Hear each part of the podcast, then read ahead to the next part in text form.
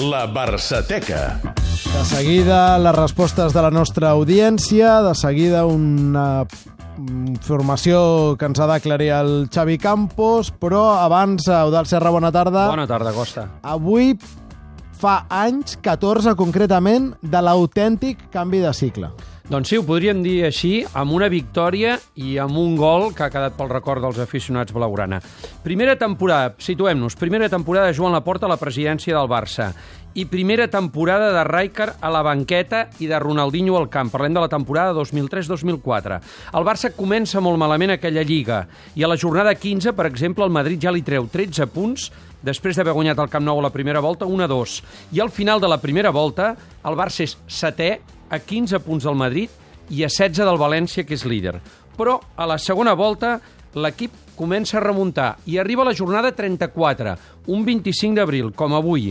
El Barça juga al Bernabéu i guanya per 1-2, situant-se només 4 punts del Madrid i a 5 del València, és a dir, en el Madrid li va retallar mm, doncs 9 punts.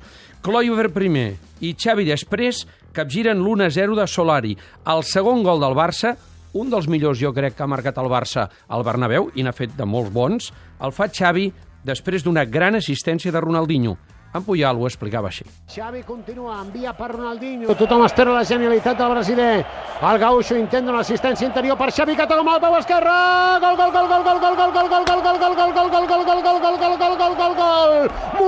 Muito obrigado per la genialitat. Molt bé, moltes gràcies Xavi pel gol.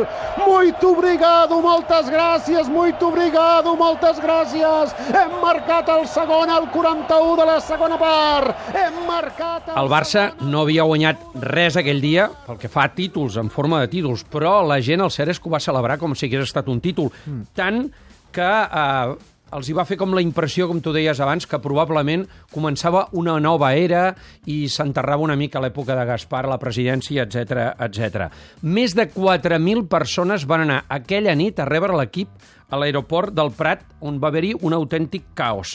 La reacció de Ronaldinho va ser aquesta. Espectacular, fuera de normal. Y bueno, cada día que pasa estoy más contento aquí, cada día una sorpresa, una sorpresa nueva y, esto me motiva cada vez jugar el máximo que pueda. Y esto motiva mirar ahí, bueno, no ganamos y ya está de esa forma.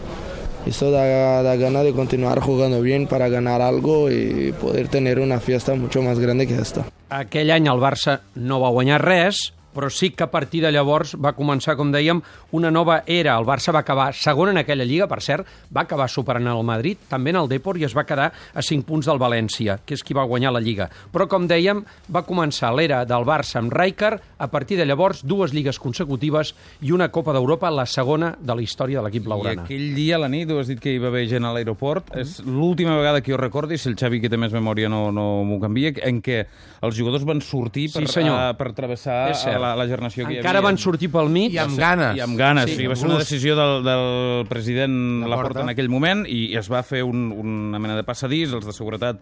Eh, es veu que van patir moltíssim. Van patir molt, però diguem, no va passar res i, i va ser l'última vegada de comunió en què en la història del Barça n'hi ha molts.